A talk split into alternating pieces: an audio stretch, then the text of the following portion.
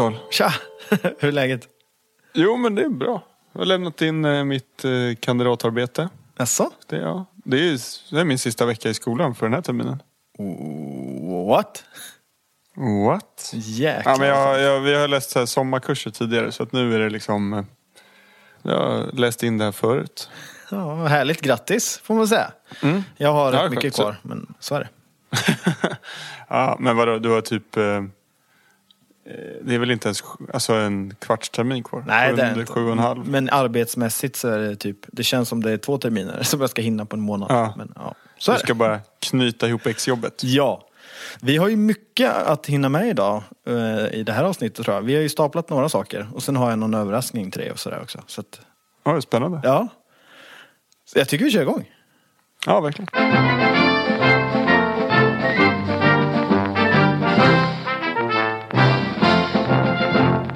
Du Oskar, nu är det ju så här va att eh, man hör och ser ett namn väldigt, väldigt ofta.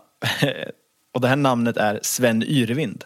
Ja, han, eh, han dyker ju upp. Vem fan är Sven Yrvind? För alla oss Ja. som, alltså jag har hört hans namn i många år, jag har aldrig satt mig in i vem det här är. Du har mer koll. Eh, vem, vem är Sven Yrvind? Sven Yrvind är ju... Han är ju en eh, väldigt speciell person. Men han har ju gjort väldigt mycket, väldigt mycket grejer. Han byggde sin första egna båt eh, 71. Och den byggde han nere i källaren hos sin mamma. Så han var tvungen att bygga den så liten så att han skulle kunna få ur den ur källaren. Så den vart ju ja, sex meter lång och en och en halv meter bred eller sånt där. Det är ändå väldigt stort för att få plats i en källare tänker jag. Ja, ja, precis. Men han fick alltså montera isär den typ lite grann för att få kunna ta ur den. Han kunde inte ha riktig mast på.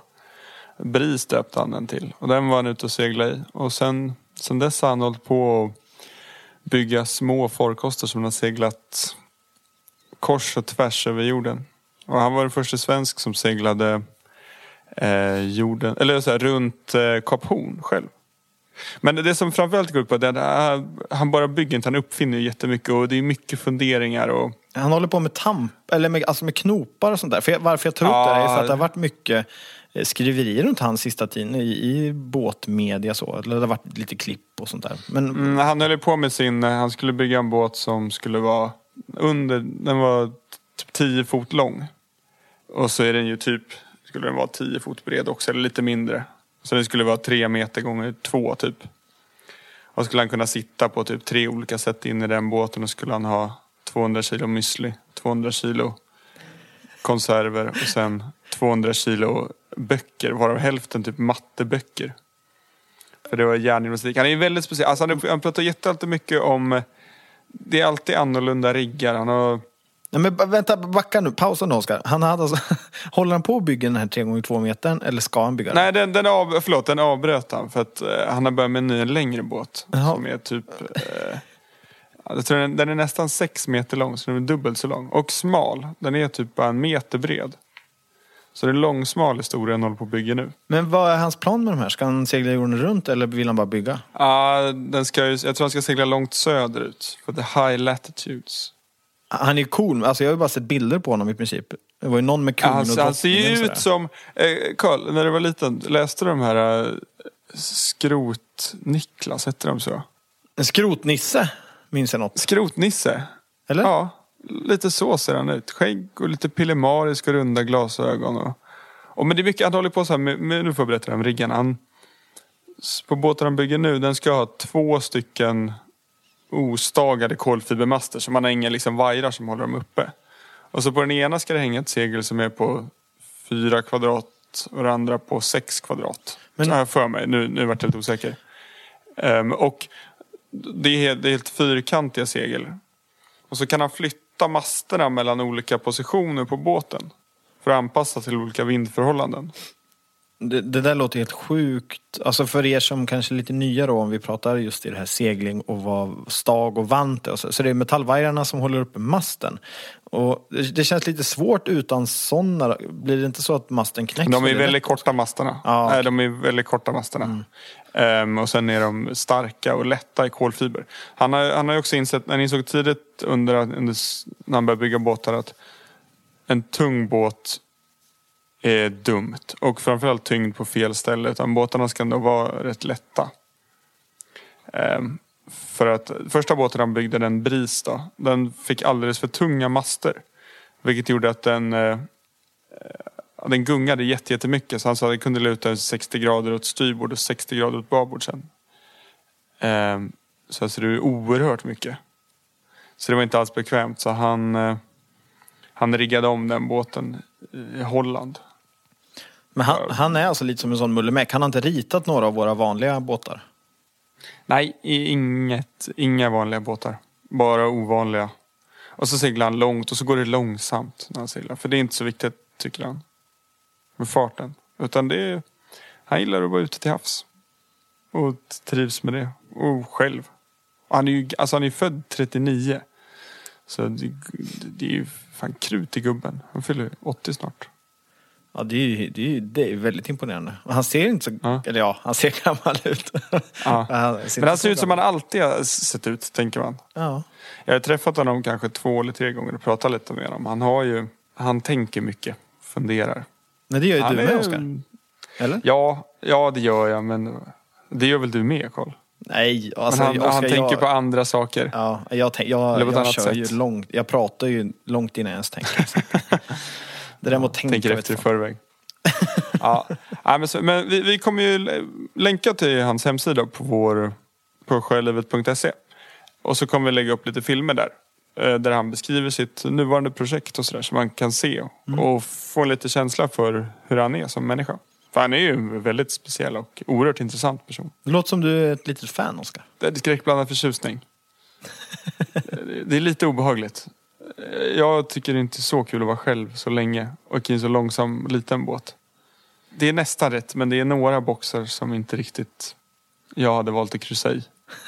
Om man säger så. Nu har vi kanske lite mer koll på vem Sven Yrvind är. Följ oss gärna på våra sociala medier. På både Instagram och Facebook finns vi under namnet Jourlivet podd. Så här är det Oskar, att vi har ju egentligen två stycken, eh, ja, vad vi nu ska kalla dem, två stycken i företag snedstreck eh, staten som har hjälpt oss att överleva och har gjort de här, ja vad är det, 21 avsnittet nu va? Ja, det är Ja. 21. Och de jag, de jag pratar om det är ju CSN, våra kära studielån. Tack CSN. Ja, det är egentligen lån, men ja, skitsamma. Och sen så är det ju Moringo. Och vi kommer Det är att prata- Ännu mer tack Moringo. Ja, det, det är det definitivt. Eh, men nu är det så här även att, eh, för det räcker ju inte riktigt hela vägen. Eh, och vill ni som lyssnar vara med och eh, hålla det här sjölivet flytande eh, och kanske till och med skapa möjligheter att utforska och göra lite roligare reportage och roliga intervjuer och så vidare så finns det en hemsida och en app egentligen, eller via en app man kan gå in på. Det är patreon.com. Patreon stavas det. Och om man går in där och söker på sjölivet eller om man går in på www.patreon.com jourlivet så kommer man direkt dit. Och där så kan man då hjälpa till helt enkelt och hålla den här podden flytande. Det är även så att om man väljer att stötta oss så ger vi extra tillbaks. För då får man vara... Det finns det på olika nivåer Karl. Kan du inte berätta om det? Om hur, vad, vad händer med de olika nivåerna? Ja, alltså kort och gott så är det väl egentligen så här att om man donerar en dollar eller mer eh, så får man lite bakgrundsbilder, väldigt snygga sådana och, och de kommer ju frekvent hela tiden. Så får man även tillgång till en privat Facebookgrupp där vår tanke är att vi bygger ett litet community där vi kan prata och lite eftersnack om podden. Lite privat forum sådär där man kan ställa frågor direkt till oss och dylikt och snacka liksom. Ja precis, för den, eh, vi är ju med där och Ja, ja, självklart, självklart. Och vill man donera mer, typ 5 dollar, då får man även tillgång till, eh, förutom det jag sagt, så får man lite videoklipp och bilder och sådär från våra inspelningar. Alltså, nu har vi spelat in lite och sådär med kamera. Och då ska vi helt enkelt eh, visa er där på... på Med kamera? Ja, via Patreon. Och sen vill man donera ännu mer, då är det 10 dollar. Och eh, då får man alltså extra material och det är ju kul. Förra veckan så var det lite extra material från eh, båtmässan. Det var med snacket med vår producent Timmy. Ja, vi tänkte ha det den här veckan.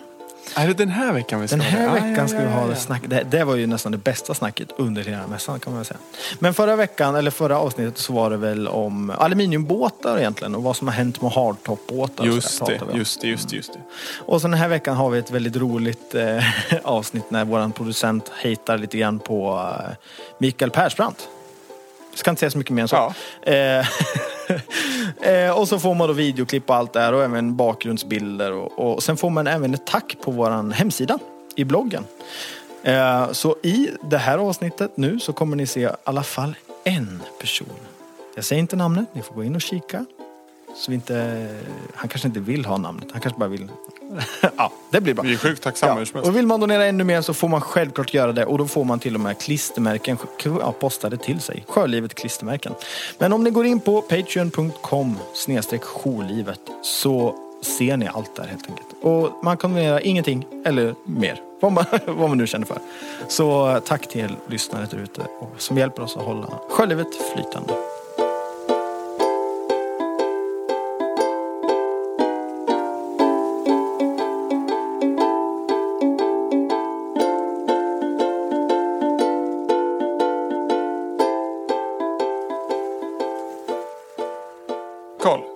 Inför båtmässan så körde ju vi en, eh, en tävling där man kunde vinna biljetter genom att lägga ut eh, bilder på saker man längtade till i sommar. Mm, just.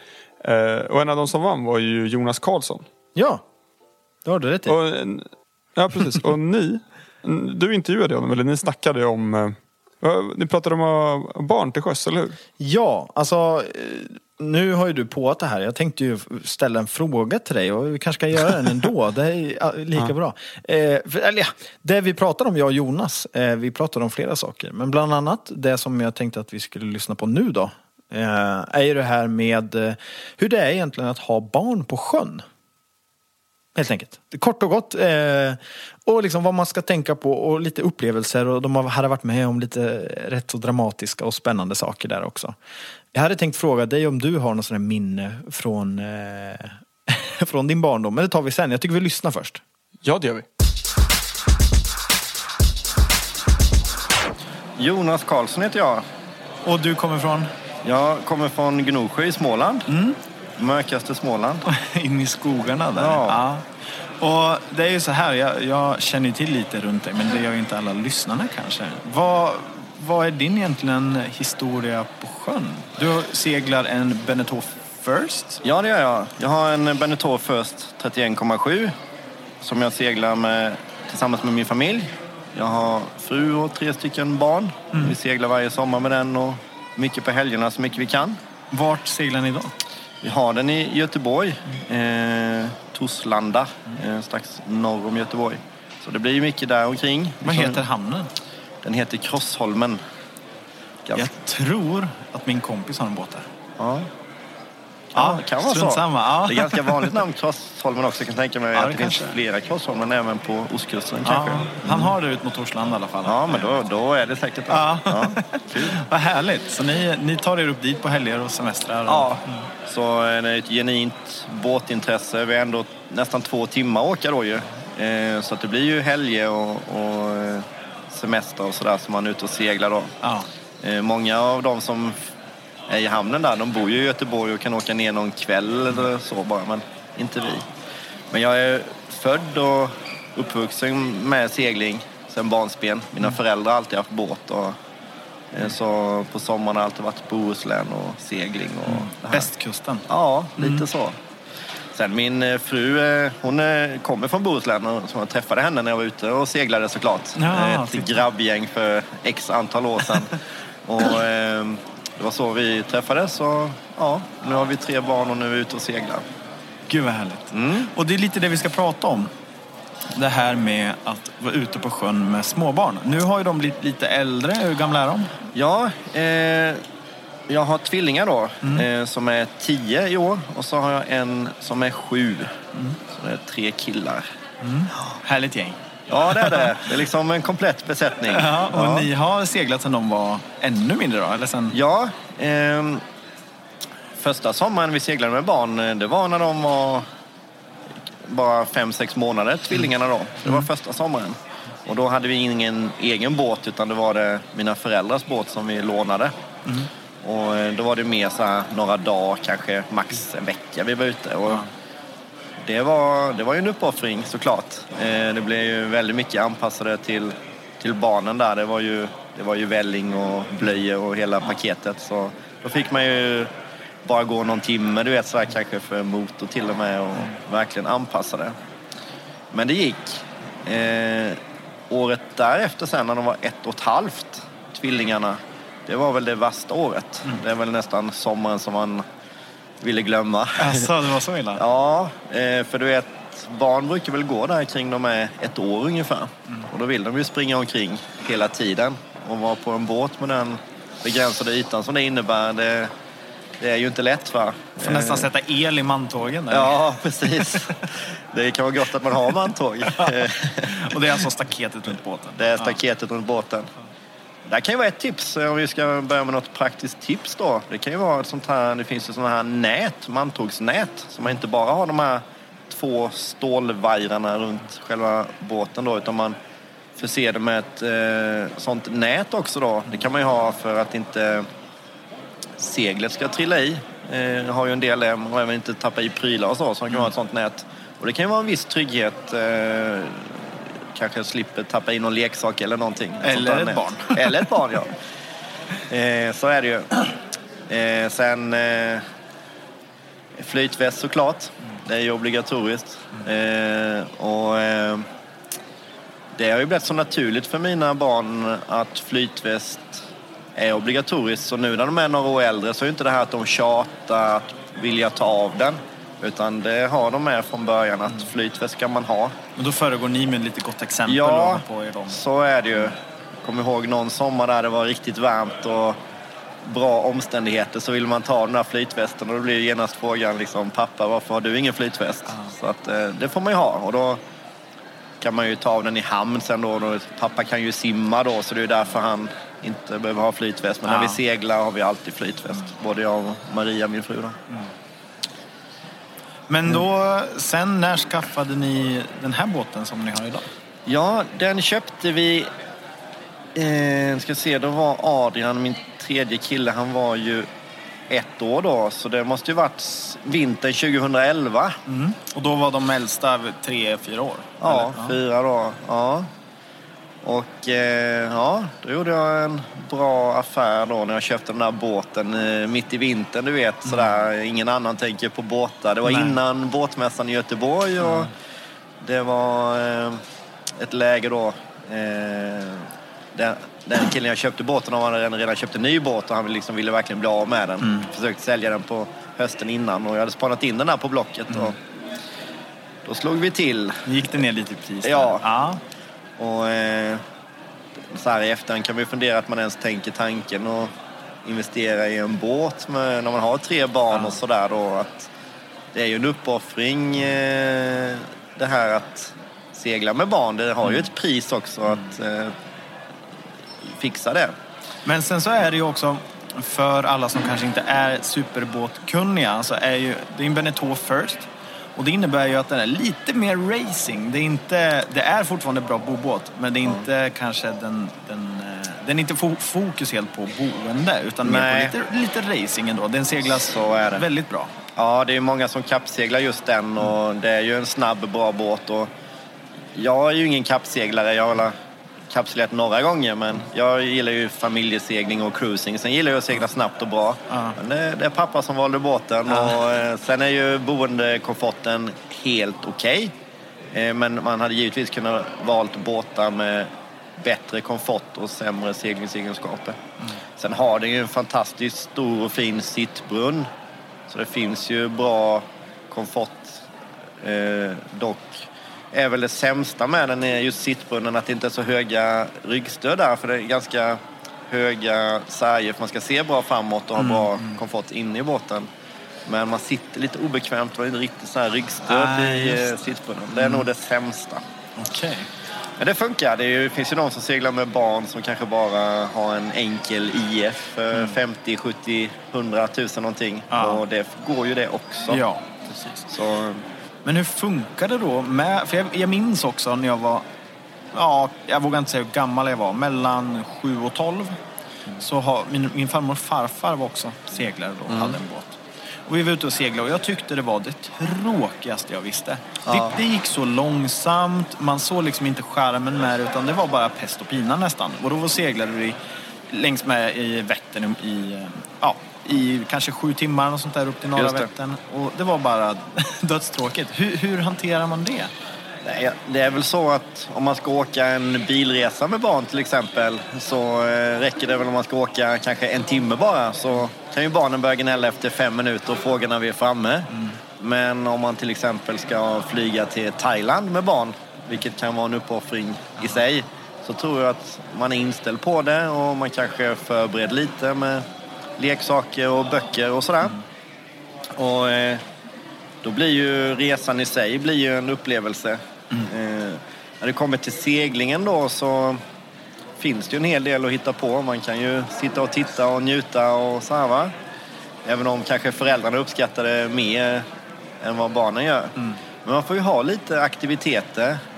Man får hitta på grejer. Man kan ju ha en liten plastbåt som man tar i någon, något litet snöre efter båten. Och man kan ju ta ner seglarna eller stänga av motorn och ligga och flyta lite bara och så kan man hoppa i och bada. Och... Så eh, man får ju inte ha bråttom när man seglar. Och, eh, om du, du nämner ju motorbåt där då, Karl, och det, det tror jag det är ju en tröskel i sig att ut med barn i motorbåt. Men där tror jag det är enklare att komma igång. Eh, Det går snabbare med motorbåt och man kan förflytta sig från A till B. Eh, segling är ju svårt att säga när man är framme. Men eh, jag tror att man ska sänka ambitionsnivån och kanske inte segla så långa distanser. Efter kanske tre timmar ungefär så kan det vara bra. Då kan man välja att ankra antingen på svaj eller gå in i hamn då och äta lunch. Alternativt så får man ju ha med sig eh, så någon enklare lunch då som är smidig under gång. Ja, för det kan jag också tänka mig att hungriga barn är inte så roliga barn. Så man Nej. alltid har lite snack sådär, någon liten... Ja, det är bra. Eh, lite frukt eller något sånt såklart.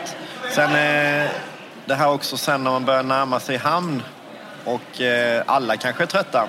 Eh, den första hamnen man försökte gå till kanske var full och så får man gå till en alternativ hamn och så blev, gick det någon halvtimme, en timme till. Och så ska, kommer det kritiska momentet när man ska lägga till. Och det vet ju alla hur det kan vara.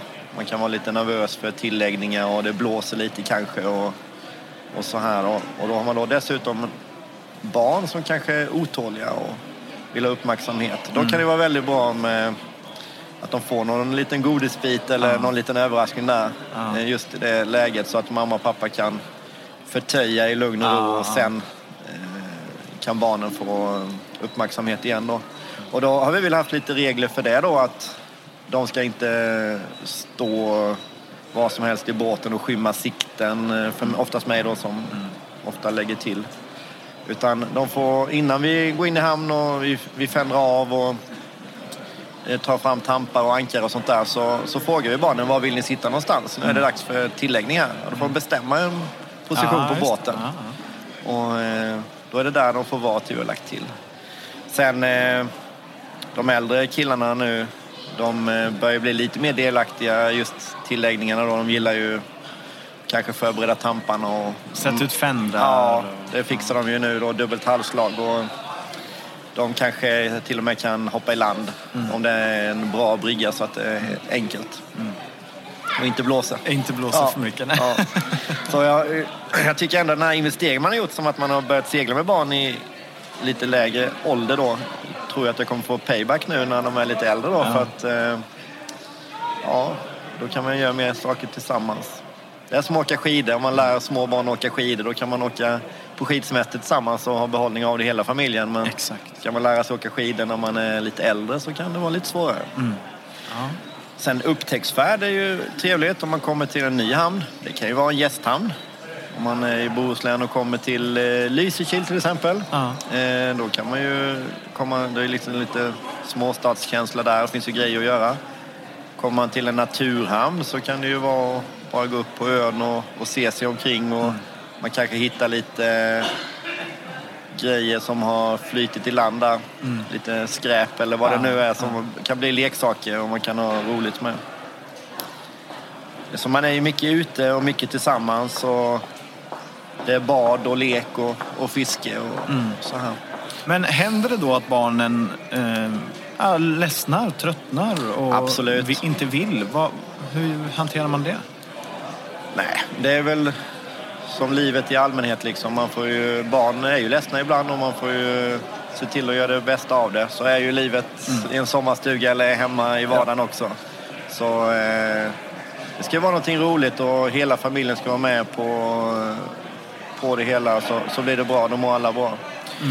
Sen eh, är ju både jag och Maria är ju trygga i sig med båtlivet. Vi är sjövana. Vi har också seglat och varit på båtar sedan barnsben. Så att det är ingen anspänning för oss att vara på en båt eller lägga till. Vi, vi kan det och då blir vi nog ganska lugna båda två.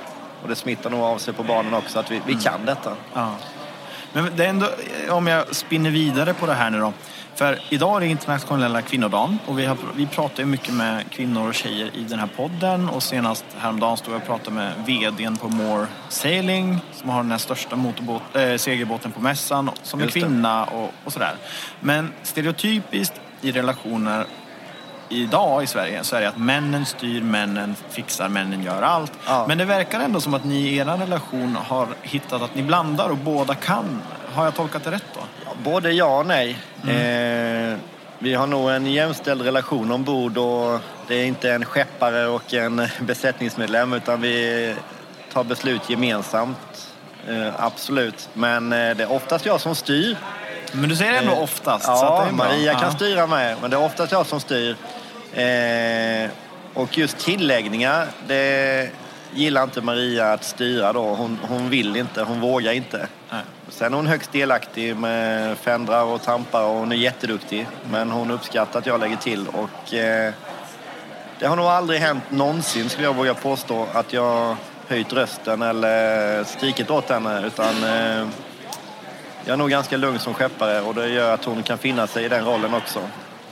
Det är, ingen, det är ingen sällskapsresa här liksom, skit i handväskan hoppa. Utan eh, det funkar. Och, och det som du säger också, det här med lugnet som skeppare.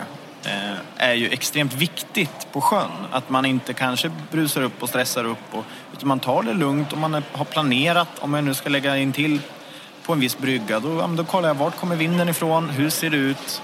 Och sen agerar efter en plan. Absolut. Ta det lugnt. Planera tilläggningen och eh, ta det lugnt. Inga eh, panikmanövrar för då brukar det gå käpprätt åt skogen. Utan ta det lugnt. Och det kanske är extra viktigt då med småbarn. Ja, det är ju så. Jag kan, kommer genast att tänka på en liten incident i Fjällbacka skärgård. Där vi eh, hade legat i naturhamn över natten. Och eh, på, under natten och fram på morgonen så hade vinden vridit. Så vi låg inte lika skyddat. Och i Lovat så hade vi en... Och Lovart innebär? därifrån vinden kommer, eh, hade vi en lite större segelbåt som vars ankare hade draggat och släppt. Och eh, de gick iväg i lite panik där och så låg ju vi kvar då. Vi hade inte heller så bra ankarfäste och vi skulle få nog gå härifrån. Då blev det lite panikartat där trots allt. Liksom. Nej, vi måste iväg här. Och det misstaget vi gjorde då, det var att barnen låg fortfarande och sov. Eh, Så vi tänkte ju fixa det här själva medan barnen låg kvar och sov. Men de vaknade ju givetvis eftersom vi var lite eh, högljudda och det lät. Och de hade ju då inte flytväst på sig. Nej. Och då stod ju Maria i land och jag blev då själv kvar på båten och hon släppte förtöjningarna och jag skulle få upp två ankare som vi hade i faktiskt. Ja. Samtidigt som barnen inte hade flytvästar på sig. Och den minsta killen då var väl inte så gammal vid det tillfället, kan ha varit tre kanske. Och då står ju Maria i land och ser Adrian utan flytväst på båten medan jag håller på med ankaret i jakten. Eh, och där var ju ett misstag. Vi skulle givetvis väckt barnen och tagit på dem flytväst det första och sen gjort den här manövern. Ja, Bra tips. Mm. Och jag kommer att tänka på en till sak hur man kan underhålla barn. Och jag gör ju så här för att underhålla mig själv. Men det är kanske för att jag är ett barn innerst inne och kommer alltid vara.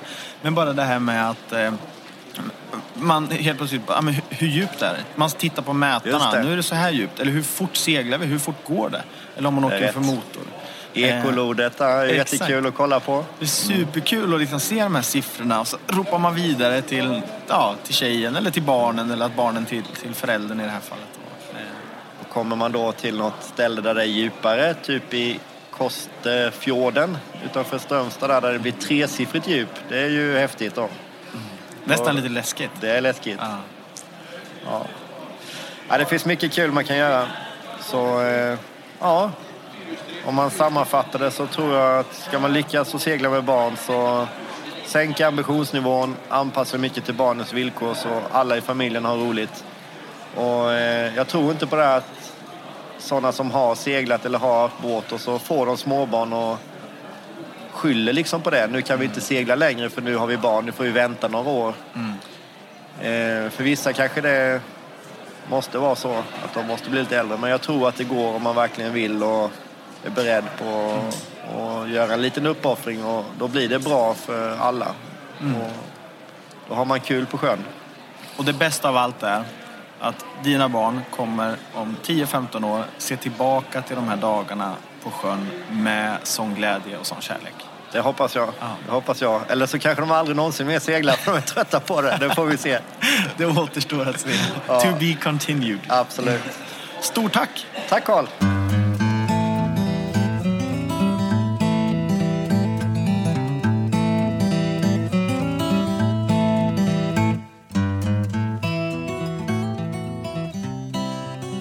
Oskar, jag får ju lite sådana här ja, blickar, eller tillbakablickar. Mentala återblickar säger man kanske. Minnesbilder som vi, Minnesbilder. man brukar kalla det. Ja, så kan man också säga. Så kan man kalla det. Jag får lite sådana nu när jag lyssnar på det här med Jonas. Eh, har du någon sådär, får du någon känsla, får du någon, någon min, något minne som kommer fram från din barndom på sjön? Ja, alltså. Första gången jag egentligen var ute och segla med, eller när, vi började segla, när jag började lära mig segla med pappa. Vi hade en mirrorjolle på landet. Det är som en optimist fast med ett försegel också. Så att jag ligger där på den där durken på den, den lilla jollen och tittar upp på de röda seglen och den blå himlen. Och sen somnar jag. Satt du Och fast? Det var ju superhärligt. Du, du var inte, alltså seg, so, seglade du när du somnade eller satt ni fast? Ja, det pappa satt jag och ja, seglade. okej. ja, men då är jag med. Jag låg ju bara där på durken och Det låter jätteskönt. slumrade till. Det var ju perfekt. Jag seglade inte när jag var barn. Ja, vi hade ju motorbåt. Eh, Mm. Så jag har ju bara sådär vattenskidminnen och sånt där. Badaminnen. Så minnen från när man skadar sig när man åker ring. Det är ont så in i vassen. Ja, det är ont. Vi åkte, ring, åkte runt, runt, runt, runt, runt. Så vågorna samlades i mitten och blev jättestora. Och sen så såg man till att man kom in. Ja, och man Ah. flög ju fan två, tre meter upp. Men... Mm. Så det är ett tips. Alltid lika hårt. Men det är härligt med barndom och nu har vi fått lite härliga tips från eh, Jonas.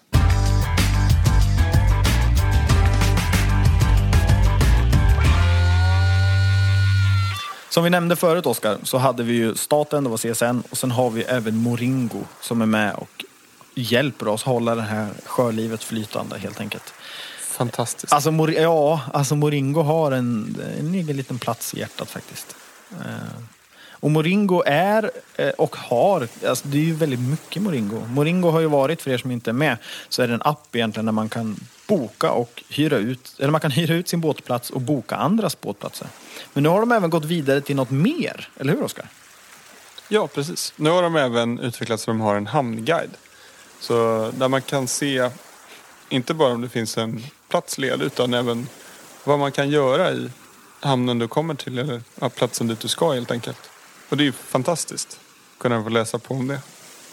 Samla all information på ett ställe, det är ju det sköna. Ja, det är helt sjukt. Och jag vet ju att de håller på och, och programmerar hela tiden och förbättrar appen hela, hela tiden. Jag vet att jag har fått uppdateringar här och där till den där appen. Mm, det är mycket. Ja, eh, och till och med nu så, vi fick ju ett, eh, var det Instagram eller var det Twitter? Ja, jag kommer inte ihåg, men från Kristoffer Appelqvist, komikern. Ja. Alltså jag älskar honom. Men han har ju laddat hem den här appen. Och därför ska alla ni andra där ute också ladda ner den här appen och eh, testa i alla fall. Och den kommer bara bli bättre. Eh, Moringo helt enkelt. Tack Moringo. Tack Moringo.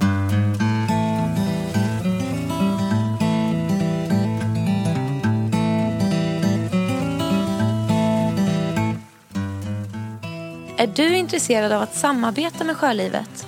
Gå in på vår hemsida sjölivet.se och läs mer.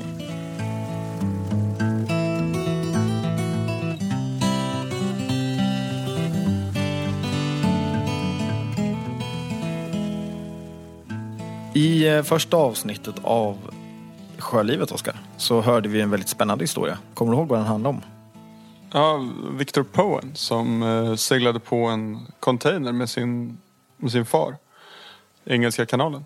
Och de sjönk ju. Men de klarade sig. Och eh, sen jag hörde den historien, för er som inte hört förresten, så gå in och lyssna på det första avsnittet på den berättelsen och historien om när han sjönk helt enkelt, körde på en container.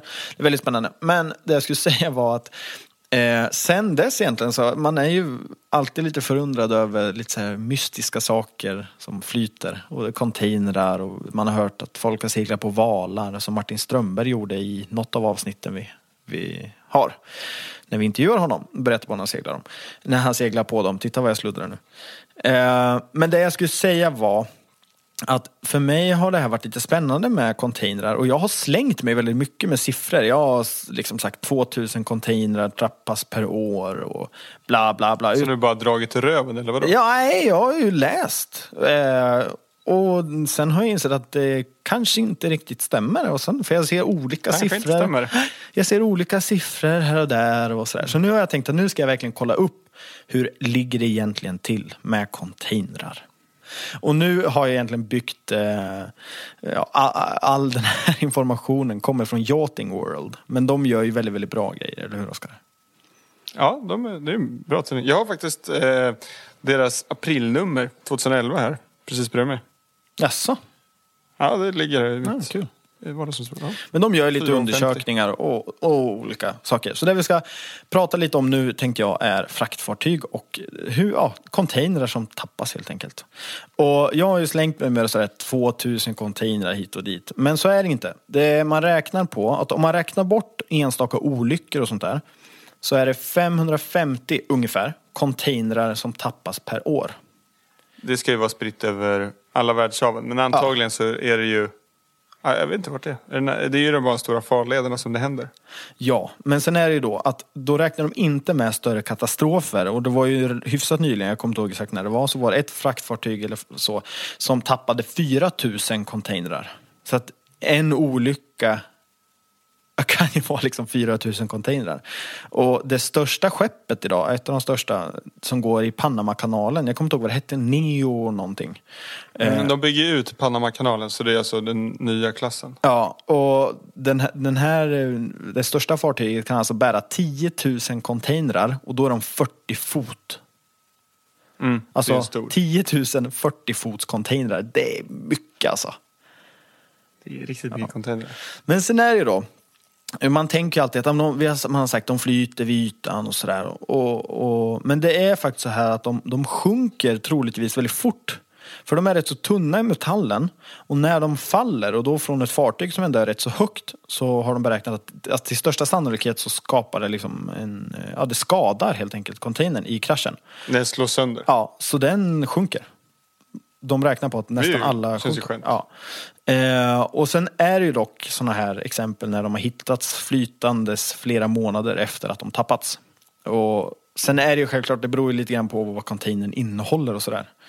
Om det Ja, är något som... Är det blyvikter så sjunker ju skiten. Men är det med kanske tomma vattendunkar som är förseglade, Ja. alltså luft, då tänker jag att den håller sig flytande bättre. Precis.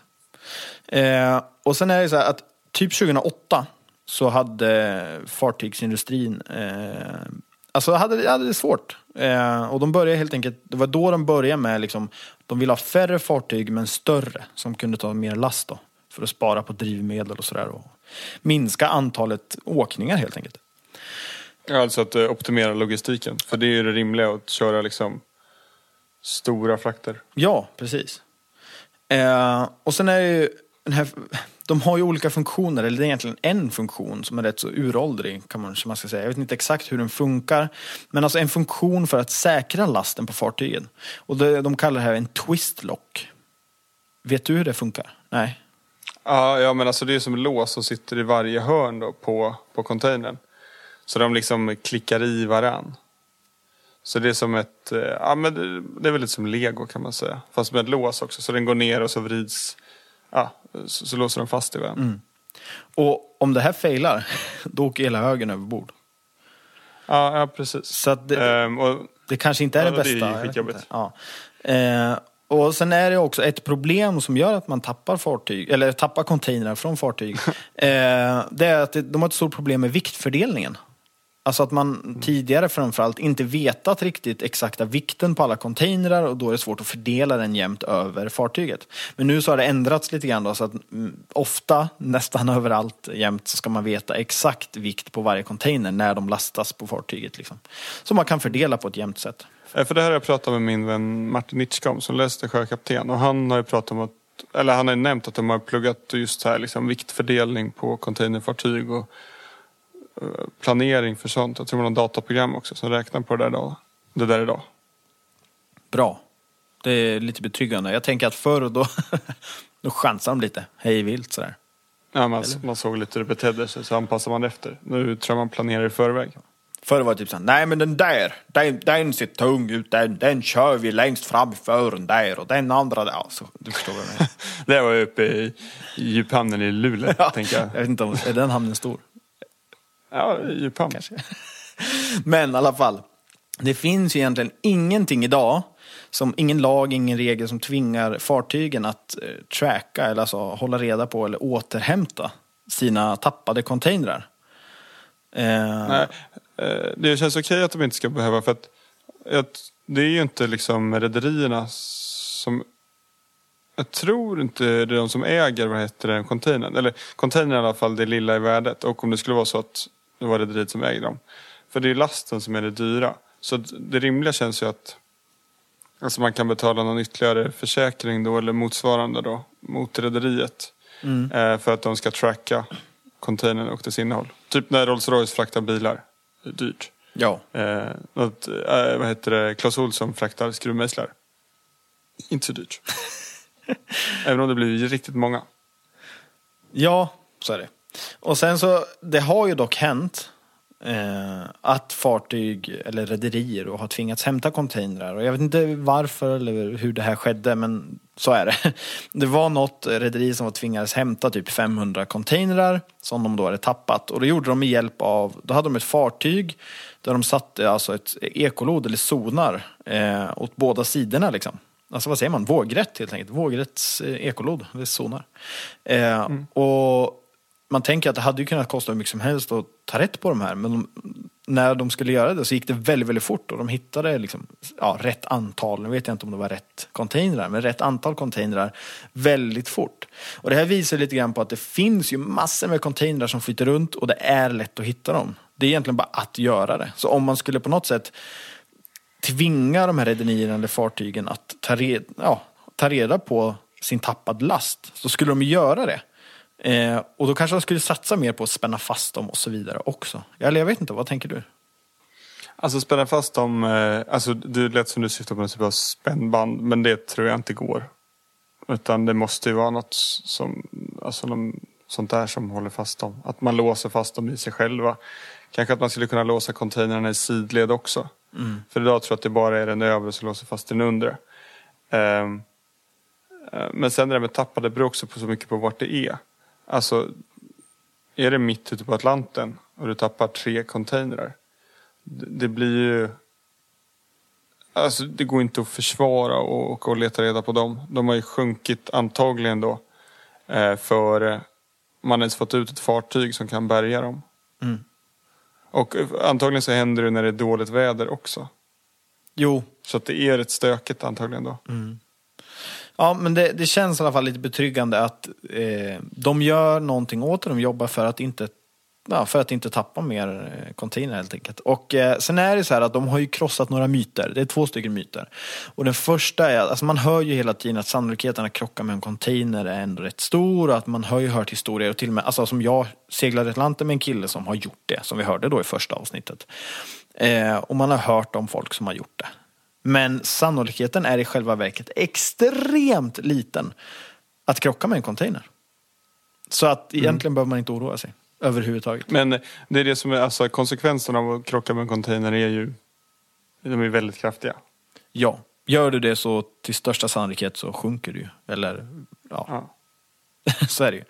Men sen den här sista myten som de har krossat nu då. Som jag tycker är väldigt intressant för att jag har, jag har alltså sagt fel till folk. Jag har ju sagt att containrar kan alltså ligga någon decimeter under ytan. Så har jag sagt. Det kan de inte göra. Containrar kan inte ligga precis under ytan. Däremot kan de ligga några centimeter ovanför ytan och flyta, men inte under. Och där har jag sagt fel. Så jag ber om ursäkt till alla ni där ute som har hört på mitt okunniga, ja, ja, du förstår vad jag säger Oskar. Ja. Men eh, dock är de ju fortfarande fruktansvärt svåra att upptäcka. ja. Speciellt typ på natten, det är dåligt väder och kanske kolsvart, inga stjärnor, ingen måne. Då eh, ser man inte så mycket där ute. Nej, och när det är lite vågor så är det svårt att avgöra vad som är vad. Du ser ju bara massa som rör sig liksom. Ja, om du har tur om du ser vågorna. Ibland så ser du inte ens att det går sjö. Nej. Ja, så det var lite kort om eh, containrar. Och hur det egentligen ligger till.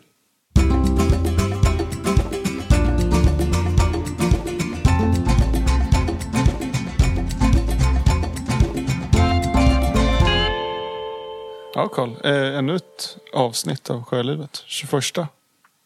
Ja, 21 avsnitt och det går fort. Det går fort. Det går fort, det går fort. I hockey. Eh, ja, vi närmar oss slutet. Hur känns det? Ja, det känns bra. Det är det sista avsnittet jag spelar in i Umeå. För den här... Ja, inför sommaren då. Ja, du kommer ju fara runt hej vilt. Ja, nu jäklar. Vet inte vad det ska vara riktigt. Det är lite oklart. Det märks, det märks, det märker vi. Det märks vart jag är någonstans. Hoppas vi på. Men eh, ja, Karl, det är ju valborg nu. Ska du göra något kul då? Nej, nej. På den här månaden ska jag hinna väldigt mycket. Så jag kommer nog sitta hemma och plugga. Kanske ta någon öl. Ja. Nej, jag, jag vet men- faktiskt inte. Jag har inga planer. Planen är just nu att sitta och, och skriva på min, mitt exjobb. Eh, men man vet aldrig. Jag är inte så svårövertalad på att hitta på saker. Så att, eh, jag får väl se. Det är en bra egenskap. Ja. Eh, och sen är det så här innan vi lägger på en Oscar och säger adjö. Så gå in på patreon.com jourlivet. Patreon.com jourlivet. Om du känner att du vill hjälpa sjölivet flytande helt enkelt. Hålla oss flytande. Så, eh, och så måste vi återigen tack Moringo och tack poddbyrån Timmy Strandberg. Är det någon mer vi vill tacka? Mamma och pappa? Ja, pappa, jag tror jag tackar. Jag vill tacka dig Oskar för att du står ut med mitt Ja, tack. snack en sån här, vad är det för dag ens? Måndag? Tisdagkväll? Måndagkväll? Ja, så är det. God natt Oskar och... Eh, God natt, Carl. Puss och kram! Hej då!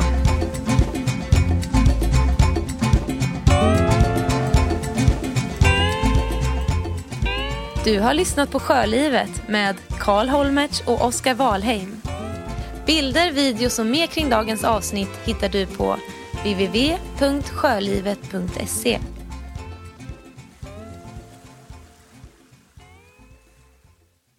Sjölivet produceras i samarbete med Poddbyrån